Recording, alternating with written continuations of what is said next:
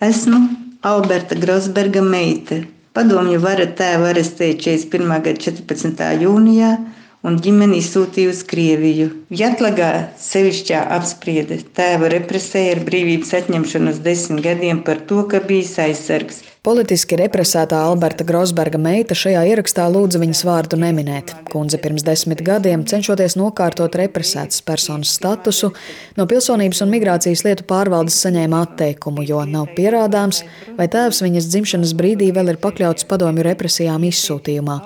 Proti ir ziņas, ka viņš it kā atbrīvots pirms soda izciešanas. Alberta meita ir dzimusi 51. gada 17. martā Krasnojarskas apgabala Ribīnskas rajona Borodino sāģā. Par tēva atbrīvošanu no Jatlaga ir tikai daļēji ziņas. Atbrīvots 43. gada 30. oktobrī pēc direktīvas numurs 467 un nosūtīts pie ģimenes, kur ir nometinājumā Krasnojārskas apgabalā.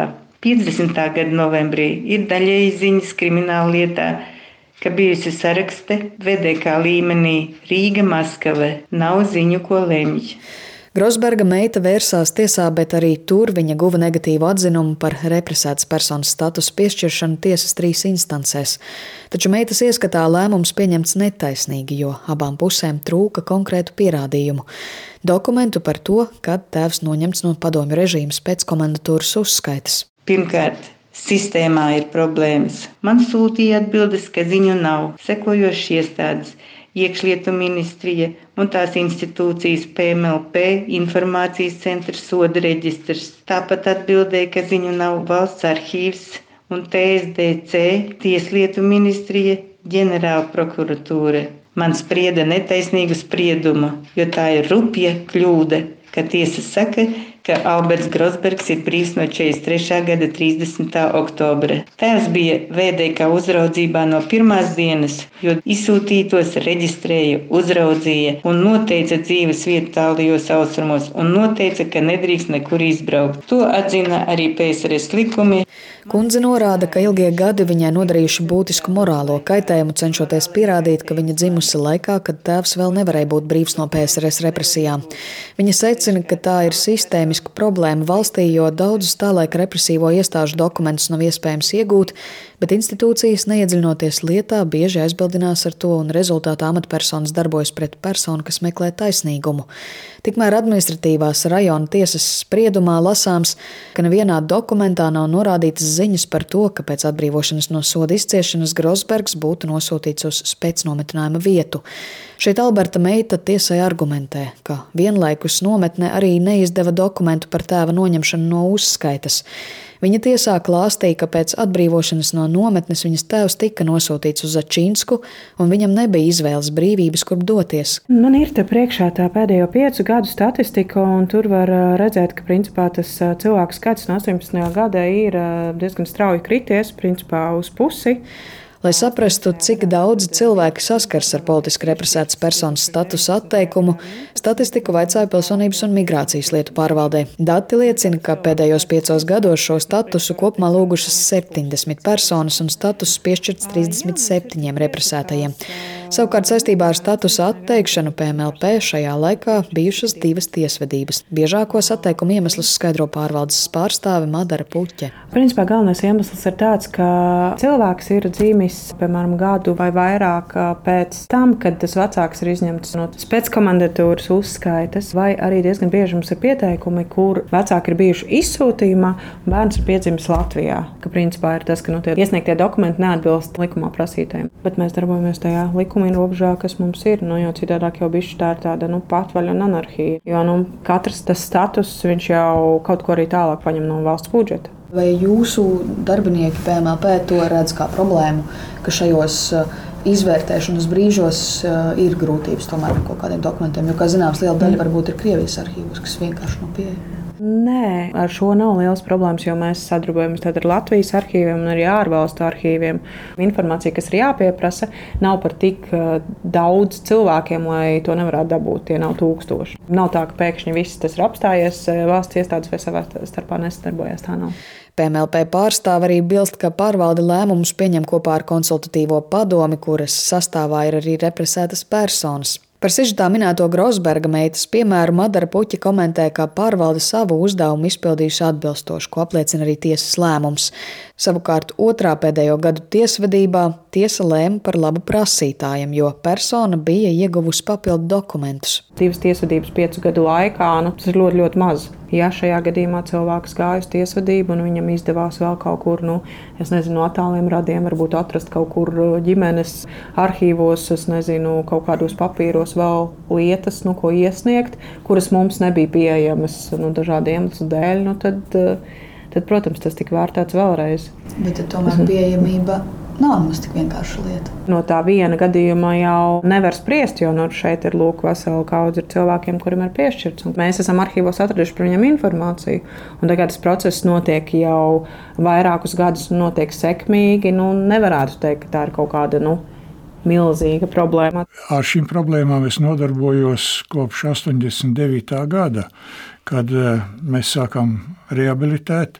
Latvijas politiski represēto apvienības valdes loceklis, jurists un bijušo politieslodzīto un komunismu upuru starptautiskās asociācijas prezidija loceklis Pēters Simpsons savā praksē gan nereti saskāries ar līdzīgiem gadījumiem un vērtē, ka nevar uzskatīt, ka Alberts Grosbergs bijis brīvs pamatojoties vienu uz minēto ziņu par priekšlaicīgu atbrīvošanu. Šis nav vienīgais gadījums, kad eh, cilvēku atbrīvo no ieslodzījuma Pēc kāda brīža viņam piedzimst bērns, un atgriezties Latvijā viņš iegūst tiesības tikai vēlāk. Šis varbūt ir unikāls gadījums. Kad viņš ir atbrīvots sakarā ar no veselības stāvokli un neizmantojamību spaidu darbos, vai ir pilsonības un migrācijas dienesta darbiniekiem kaut viens gadījums, kad cilvēks atbrīvots no ieslodzījuma, vienalga vai pirmstermiņa 43. gadā, vai pirmstermiņa 56. amnestijā. Vai ir kaut viens gadījums, kad viņš tika kā brīvs cilvēks izlaists no šī ieslodzījuma? Man nav gadījies tāds moments, kad kādam ģimene būtu palikusi tur, un viņš no nometnes būtu atlaists šeit. Un tāpēc tagad ir jautājums, vai atbildīgā amatpersona, kura izlem šo jautājumu, vadās no vispārējās prakses, kāda Padomju Savienībā toreiz bija, un kādu statusu šis pirmstermiņa atbrīvotais baudīja, vai arī ierēdnis konkrēti, ja nav pierādījumu, dokumentu, tad pasūta tālāk. Bet iemesli, kāpēc cilvēks var nebūt uz uzskaitas, jo tā ir tā problēma, ka nav šīs. Jā, nu nav vienkārši dokumenti. dokumenti jā. Arī Latvijas Nacionālā arhīva vēsturniekam Gintam Zelmanim minētās kundzes tēva lietas meklējumi nav sveši. Un arī kopumā represēto lietās bieži trūks dažādu dokumentu. Šajā konkrētajā gadījumā lietas būtība ir tāda, ka ir nepārprotami redzams, ka viņas tēvs 41. gada jūnijā ir ticis arestēts, ieslodzīts Vietlagā, apsūdzības rakstā Te var pat redzēt, ka sākotnēji viņam ir pieprasīts nošaušana vispār. Bet šajā gadījumā var redzēt, pēc tās sevišķās apspriedas lēmums, ka viņam ir piespriezt desmit gadi. Un pa lielam ar to tajā lietā visi dokumenti, kas attiecās tieši uz viņas tēva represijām, arī izbeidzās. Jo viss pārējais, kas tur ir, tas ir jau pēc tam seko tālāk rehabilitācijas dokumenti 89. gads. Un šeit parādās tā problēma, kas ar viņu ir noticis no tā 43. gada Nav īsti pierādījumu. Nu, Tīri izējot no loģikas, ir ļoti maz ticams, ka viņš tika 43. gadā izlaists kā pilnīgi brīvs cilvēks. Bet kā var to izskaidrot? Kāpēc nav tādu dokumentu? Nē, nu to, ka trūks lietās dokumentu, diemžēl tādu gadījumu mums ir gana daudz. Mums ir pat tādi kazusi, kur mēs zinām, ka cilvēks ir ticis tajā pašā 40. 41. arestēts, nu, vienalga vai izsūtīts represēts, bet mums nav pat lietas Vispār nav nekādu dokumentu. Represētā Alberta Grosberga meitas minētā direktīva, uz kuras pamata tēvu atbrīvoja jau 43. gadā, parādās arī arestētā uzskaitas kartītē. Pēc kara laikā bija virkni tam līdzīgas direktīvas, kurās bija noteikts, kas tad ar ieslodzītajiem vai notiesātajiem ir jādara.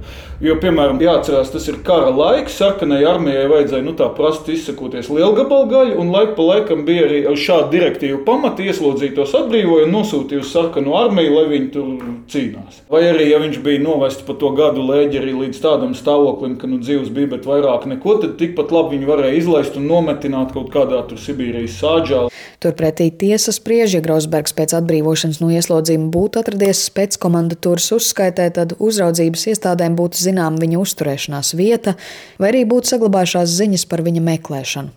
Taču nekādas šādas aktivitātes uzraudzības iestādes nav veikušas, secināts spriedumā. Te gan vēsturnieks un arhīva speciālists Gins Zelmenis rāda, ka Alberta Grausberga kartiņā ir ziņa 1950. gadā, ka viņš ir meklēšanā. Ir kaut kādi ļoti nedaudz uzvedinoši rādītāji tai lietai klāt, ir arī uzraudzības lieta, tāda kontrolas lapa, un tur var redzēt, ka 1950. gada novembrī LPS ar valsts drošības ministrijas piektās nodaļas priekšnieks ir to lietu skatījies. Un ko viņš tur ir darījis? Sastavljena sprava, ka ļa organizācija ir roziska. Tas nozīmē, ka uz to 50. gadu viņi paši īsti nav zinājuši, kur tas cilvēks šobrīd atrodas. Lai gan no otras puses, tikpat labi var būt arī tāda situācija, ka vienkārši dēļ bardaka viņi to nav zinājuši. Jo teiksim, es esmu sastapies ar situācijām, pat tādām, ka meklēšanā tiek izsludināts cilvēks kurš reāli jau leģeri ir kara laikā miris, ja pēc kara kaut kāds čekists pamostās, ka viņam nav informācija par to cilvēku un izsludina meklēšanā. Jo mums ir jārēķinās, ka nu, tā teikt, padomjā esošais bardaks nebija svešs arī attiecīgajiem orgāniem, it sevišķi Staļina laikā. Saimnes cilvēktiesību komisijā pēdējā laikā dienas kārtībā nav bijuši kādi likuma projekti vai diskusijas saistībā ar represēto statusu piešķiršanas kārtību. 2018. gadā komisija skatīja likuma grozījumus citā saistītā likumā par nelikumīgi represēto personu rehabilitāciju. Tolaik savu redzējumu apkopojumā par politiski represēto personu situāciju Latvijā Saimnes komisijai iesniedz arī Pēteris Simpsons, kurš kā Latvijas augstākās padomas deputāts 1992. gadā piedalījās arī sākotnējā likuma izveidē. Viņš secina, ka 30 gadu laikā reāli uz Sibīriju deportētie viņu izsūtījumā vai Latvijā dzimušie bērni saskarās ar tiesu un izpildvaras neizpratni un noraidošu attieksmi politiski represētas personas status piešķiršanā konfiscētā īpašuma atgūšanā un kompensāciju saņemšanā, kā arī repatriācijā. Tā ir acīm redzot mūsos palikusī padomju cilvēka pārliecība par pareizu attieksmi pret individu. Nu, redziet, cik sarežģīti ir operēt pie likumdevēja. Nu, es šo pārskatu apkopojumu uztaisīju jau pirms krietna laika iepriekšējai saimai. Šis jautājums tālāk nav virzījies. Ja? Nav šīs gribas, šīs vēlmes nu, kaut ko labot, kaut ko grozīt. Nu, labi, vēl desmit gadi, un šī problēma būs atrisināta dabīgā ceļā. Jo jau uz neatkarības atgūšanas laiku mēs vēl bijām 45,000 no Sibīrijas pārnākušie. Tad uz šī gada sākuma mēs esam mazāk par 9,000. Acīm redzot, ir daudz sarežģītākas problēmas un svarīgākas, ar ko nodarboties, nekā šo varbūt dažu simtu cilvēku sacīt, taisnīgu problēmas atrisināšanu. Lai gan likumā par politi represētās personas statusu noteikšanu ir skaidri deklarēta valsts apņemšanās atjaunot savulaik zaudētās tiesības. Sinti Ambote, Latvijas radio.